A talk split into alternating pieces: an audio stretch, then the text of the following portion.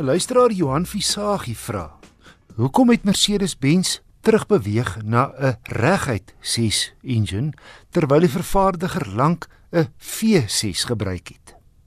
Ek het ouer gewoonte by Nicolou gaan aanklop, die ou wat byna altyd kan help met 'n tegniese antwoord. Nicolou is die tegniese konsultant by Kaarttydskrif en die besigheidsontwikkelingsbestuurder by SVU Gepantserde Voertuie. Ja, wissel, dis interessant as mens kyk na Mercedes wat natuurlik uh inlyn 6 gehad het en toe beweeg het na hulle V6 toe en nou is hulle weer terug by inlyn 6. So interessante vraag en ons kyk nou hoekom.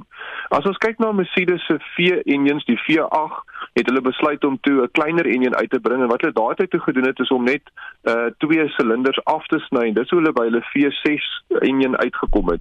As ons gou kyk na die voordele van 'n V6 teenoor 'n inlyn 6, die rede hoekom die vervaardigers vir 'n V-enjin gaan is hy's heelwat korter, so hy's makliker om te verpak.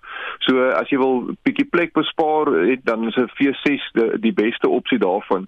Die negatief van 'n V6 is dat hy nie so goed gebalanseerd is soos 'n inlyn 6 nie. Hmm. Ehm um, en ook nie so goed gebalanseer selfs is soos 'n V8 nie. So inlyn 6 is altyd 'n gladder masjien. Wat interessant is tussen die twee V6 en inlyn 6, hulle klink ook met natuurlik heeltemal anderster want dis die slagorde van die silinders wat verskil en uh, ons kry natuurlik jou voorstanders wat hou van jou inlyn of hou van jou V6 maar die kraglewering tussen die twee engines is teoreties dieselfde kapasiteit is dieselfde tegnologie behoort dieselfde te wees en is ook dieselfde hoeveelheid bewegende parte so nou kan jy vra nou maar hoekom sou Mercedes dan nou teruggegaan het na die inlyn 6 toe. Die rede daarvoor is dit gaan oor modulariteit van 'n enjin. So deesdae wil 'n vervaardiger een enjin hê wat hy dan kan aanpas vir kleiner modelle en kleiner kraglewerings deur net van die silinders af te sny. In daai opsig maak dit baie dan sin om 'n inlyn 6-silinder te hê. En ons weet dan nou al dat die optimale kapasiteit van 'n enkel silinder is hier om en by die 500 cc. So as 'n mens kyk na inlyn 6-silinder dan kyk jy gewoonlik na 'n 3 liter masjien. En as ons dan twee silinders afsny vir 'n inlyn 4 silinder, dan is dit gewoonlik 'n 2 liter. En dan kry ons natuurlik nou deesdae ook jy ons 3 silinder engines en hulle is gewoonlik hier rondom die 1.5 liter. So BMW het dit nou al gedoen en ek dink uh, Mercedes was miskien 'n bietjie jaloers dat hulle dit gedoen het en nou het hulle ook na die inlyn 6 uh, toe geskuif. En dis natuurlik goed vir die toekoms om vorentoe te gaan en miskien is dit die laaste nuwe engine voordat alles elektries gaan raak. So ons het dit gesien by BMW het dit nou gedoen en uh, Volvo het ook 'n Drive-E reeks. Hulle het net 'n 4-silinder en 'n 3-silinder enjin, maar wat ook interessant is is dat selfs die petrol en diesel enjin blokke begin nou al dieselfde raak. So hoe meer jy gemeenskaplikheid tussen jou enjin reeks kan hê, hoe meer kan jy van die komponente oor en oor uh, gebruik en dit raak natuurlik baie meer koste-effektief om dan verskillende enjins uit te bring. Nikkel, dan het Piet Kutse vraag oor sy nuwe Kia Sportage se outomatiese radkas.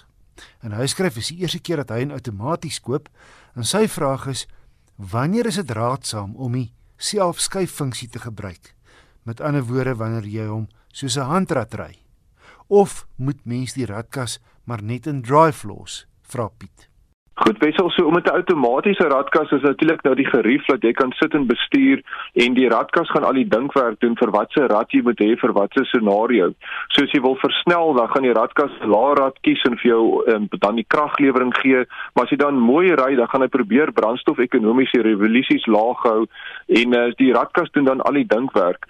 Maar partykeer is daar 'n situasie waar jy die radkas wil override sodat jy kan kies in watse rad hy moet wees. Gewoonlik is dit wanneer jy sleep want jy wil nie hê dat die radkas moet baie keer as jy teen 'n helling opry moet hy tussen twee ratte heen en weer skuif die hele tyd vir die radkas nie. Dan is dit miskien goed om hom dan vas te hou in die laaste op die remme hoef te lê as jy afry nie. Dan is dit ook goed om dan die tik funksie of die handrad funksie te gebruik op jou outomatiese radkas want dan kan jy 'n lae rad kies en dan die engine remming gebruik soos jy by die afdraande afgaan. So antwoord Nicolou hy's die tegniese konsultant by Car en die besigheidsontwikkelingsbestuurder by SVU Gepantserde Voertuie. Stuur gerus enige motornavrae na my. My e-posadres is wissel@rsg.co.za. En meer tegniese navrae stuur ek na Nikkel. Net weer my e-posadres, dis wissel@rsg.co.za.